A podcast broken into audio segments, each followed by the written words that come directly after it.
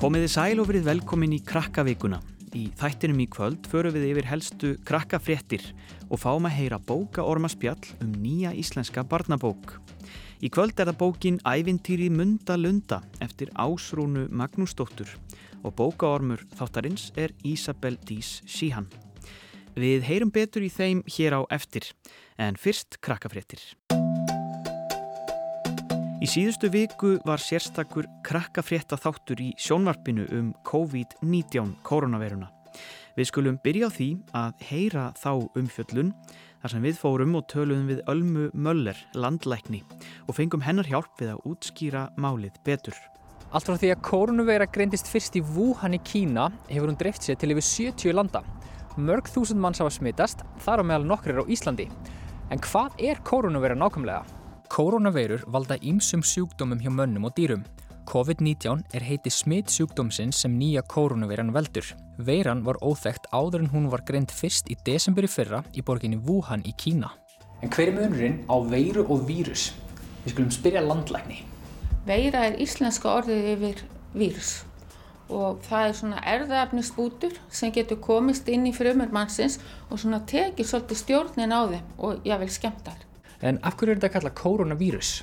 Það er af því að yfirborðið er eins og korona og þessi veira veldur sjúkdómi sem heitir COVID-19 en það eru líka skildarveirur sem valda bara vennilegu kvefi. En þetta er samt alveg ný tegund og þess vegna höfum við smá áhyggjur af því að þetta er ný tegund sem við þekkjum ekki nú vel. En af hverju er þessi uh, vírus svona mikið í fréttunum þessa dagana? Það er af því að hann er mjög smitandi og hefur valdið faraldrum til dæmis í Kína og Ítalíu og hann getur valdið heilmiklum veikindum en lang, lang flestir veikjast vægt.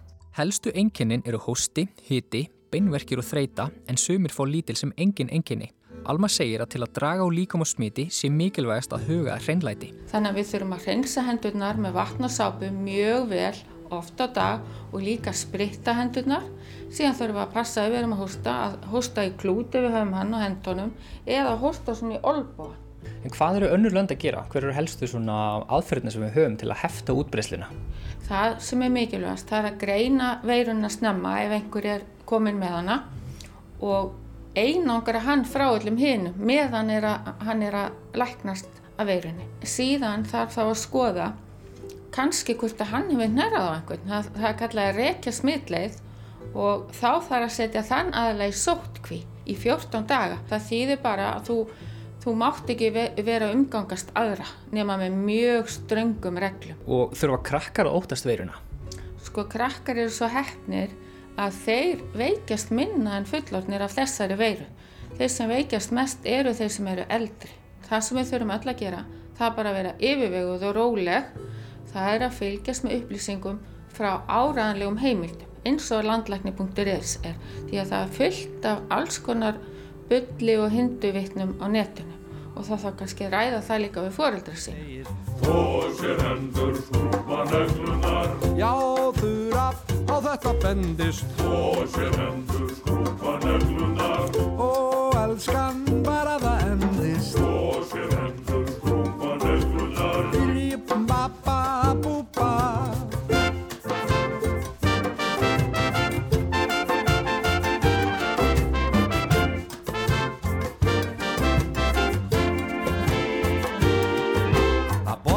sem morgnan að byrja.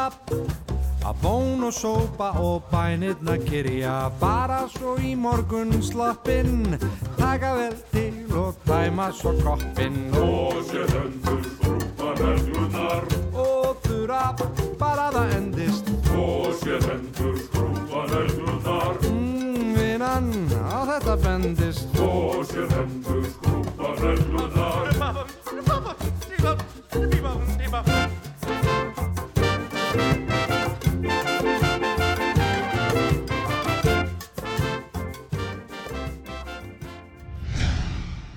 Stjörnufræðingar sem notuðu risa sjónauka í Tíle hafa fundið brennheita plánitu þar sem regnir í járni. Plánetan gengur í kringum stjörnu sem heitir VASP 76 og er annað sólkerfi í 390 ljós ára fjarlægð frá jörðinni. Hún er álíka stór og sólinn okkar en er aðeins heitari. Í kringum hana gengur gaspláneta sem líkist Júpiter. En öfugt við Júpiter, sem er hrollkaldur, er VASP 76b brennandi heit. Plánetan fær mörg þúsund sinnum meiri geyslun frá stjörnunu sinni en jörðin fær frá sólinni. Hún snýr líka alltaf sömu hliðina að stjörnunni svo á daginn er þar 2400 stega hitti.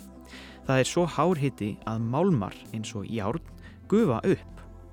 Sterkir vindar flytja járngufuna yfir á nætur hlið plánetunar. Þar lækkar hitastíð niður í 1500 gráður sem dugir til þess að járnið þjættist og myndar regningu.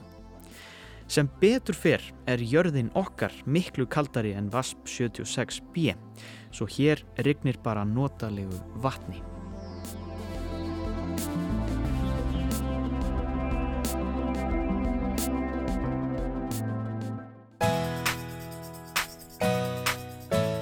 Og þá er komið að bókaormarspjalli Krakkakiljunar, þar sem við ætlum að kynna okkur nýja íslenska barnabók. Sigin Blöndal tekur nú við.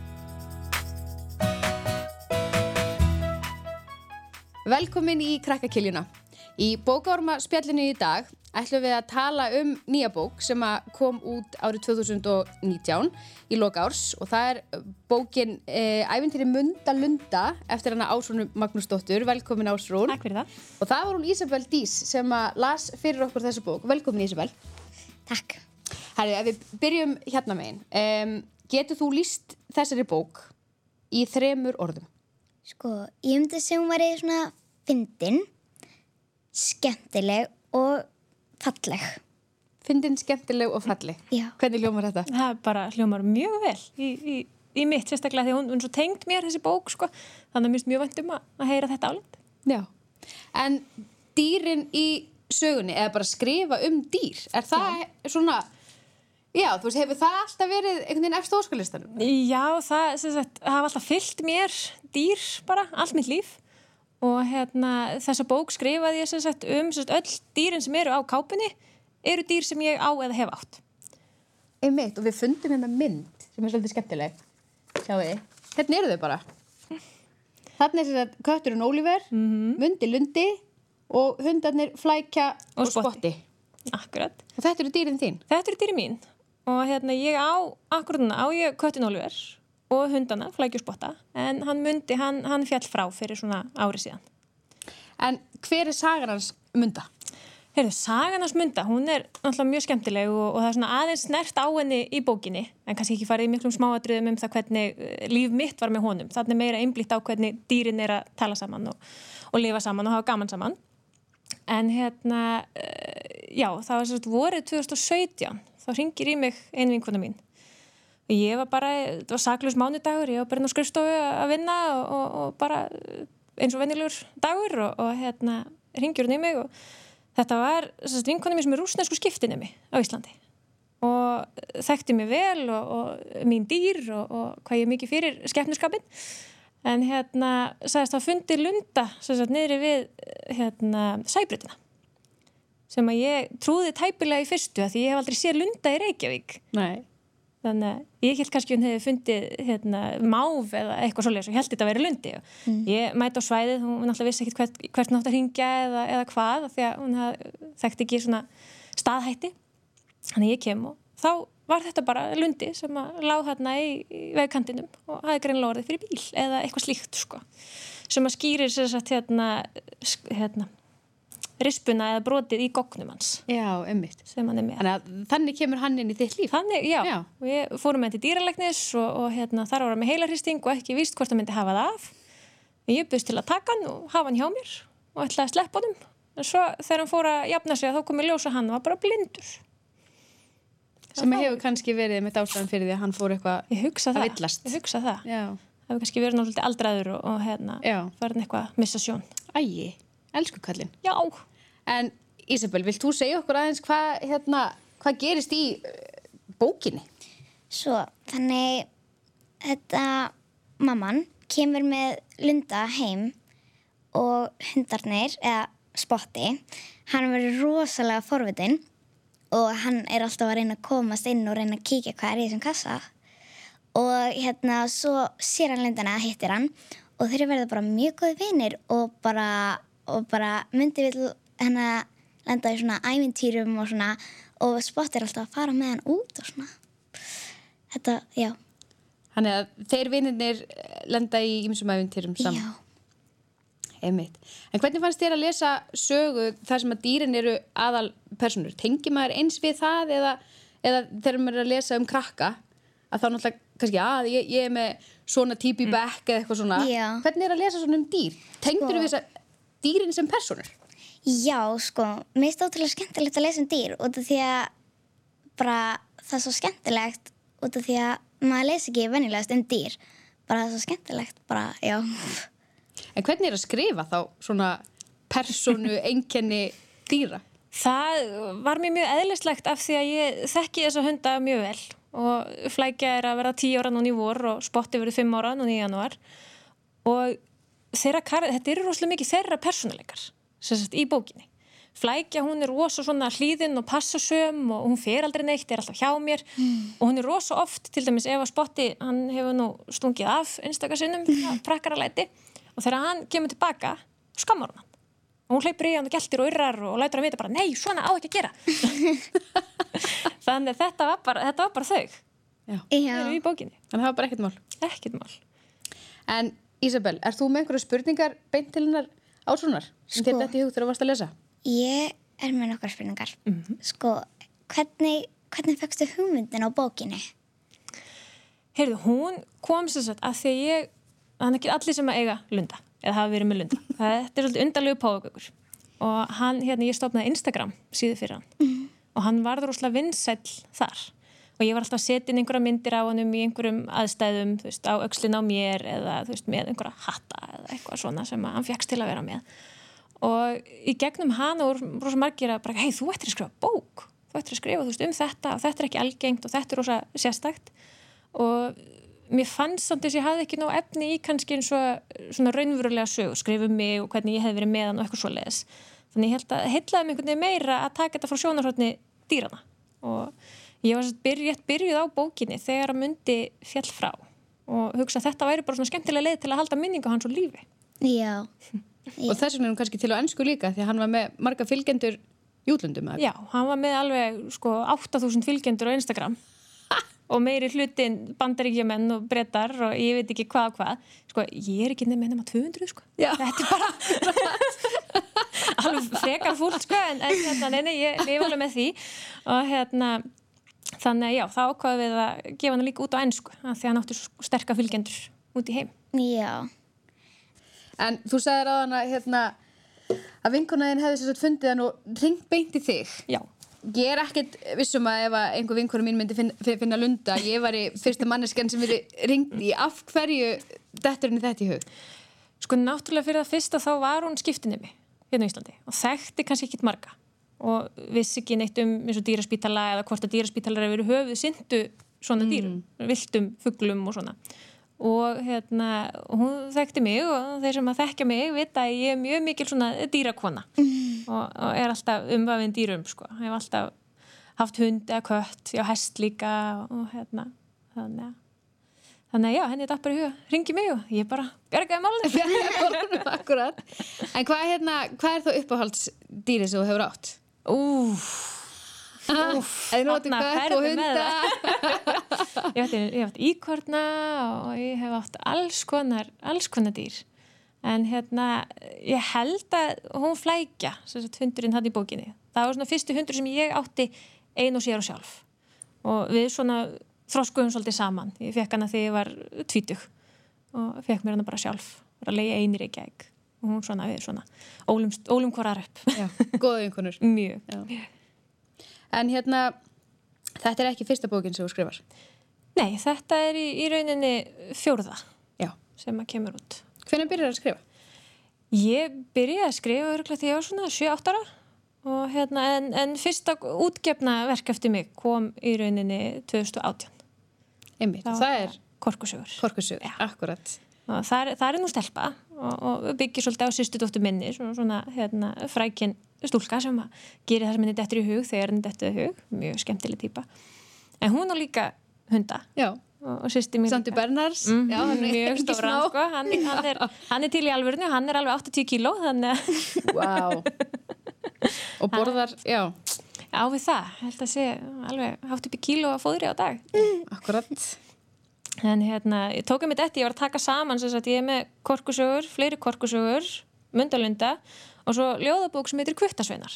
Já, og Einmitt. því ég var að taka þetta saman þá sá ég að það eru hundar á öllum bókakápunum mínu. Já þeir eru róli í huga þeir, þeir eru með það. Já.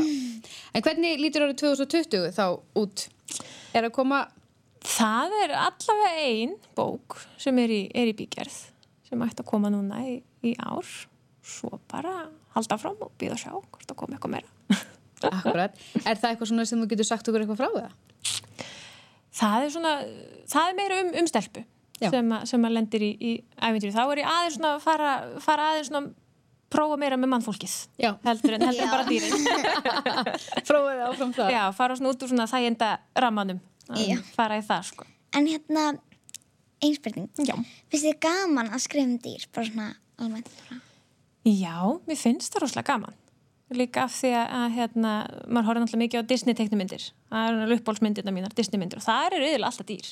Mm. Jasmín átti, átti ræsi, þarna tígristýrið og svo eru Lion King og, og allar þessar myndir sko.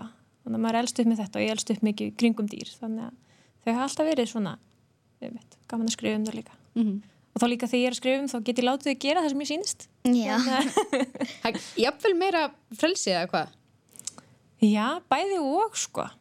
En svo, svo fer hann alltaf eftir því eins og veist, ég myndi að lunda, þá er ég að skrifa um karaktera sem að ég alltaf þekki af því að hundar eru og veist, kettir eru rosalega mikla personur en til dæmis og með Oliver ég kannski gerði hann aðeins illri heldur en hann er í raun og veru. Þannig spurning hvort hann fyrirgefa mér það en hérna, En það er, það er mjög, sko, auðvelt með ketti. já, þeir eru svona svolítið þessi típa sem Já. varhuga verða típa Já. sem er svolítið auðvelt að svona gera að, að vandakallinum Já, akkurat. En þeir eru svo sjálfstæðir og þeir svona fara svolítið sína reynlegir. Þeir eru ekkert alltaf að... svona þú læðast um svona komnir allt í einhver staðar og Akkurat. En hérna, þetta er bara alveg ótrúlega, ótrúlega skemmtileg og falleg vinasaga, verður ég að segja. Ha. Já. Um, viltu lesa fyrir okkur smá brot? Já, alveg endilega. Er það ekki? Jú. Eftir að hafa fengið yfir sig kalda vaskusu virtist sem Oliver væri nú harða ákveðin í að reyna að koma munda fyrir kattarnef. Allavega stóð spotti hann í sífell af því að reyna að finna sér leiðin í þvottahúsið. Sjálfur var hann næstu í hættur að þóra þangað óta við að Oliver eldi. Þar að auki fyldist flækja mjög grant með. Spotti var farin að sakna nýja vinar síns og sá að ef hann ætlaði út með munda þyrfti að gerast mjög leynilega og þeir eru að fara á há leynilegan leynistað. Næstu dögum eitti spotti í njósnir og fyldist með hverju fótmáli Ólífers. Lóks kom þar einn morgun að Ólífer segist alltaf upp á loft að veiða mís. Spotti hefði nú ekki fundið lykt af músum í húsinu í rúmt ár og vissi að kötturinn var bara latur og notaði þetta sem afsökun til að fara að leggja sig. En núna var hann að hafa hraðar loppur. Spotti lokaði dyrinu upp á loft eins hljóðulega hann gatt og hann vonaði að hann myndi líka líða dágóð stund áður en kötturinn fattaði að hann væri lokaður uppi. Nú er ekki títi fyrirstöðu að þeir myndi færi út að leika nema stóra sýstir. Það góði við hana samt hversu vært hún svaf á daginn svo það ætti ekki vera mikið mál að læðast framhjá henni. Spotta fannst pínu fyndið að hugsa til þess að núna beið hann í eftirvæntingu eftir því að flækja sopnaði en áður hafði hann, verið, hafði hann alltaf verið að reyna vekja hann til að fá hann að leika við sig. Hann langaði alltaf að gera eitthvað skemmtilegt en flækja tönglaðist á því að þau þurftu að vera góðir kvuttar og býða róli eftir að mamma og pappi kemur aftur. Og þess vegna var svo gaman að fá að mynda á heimilið.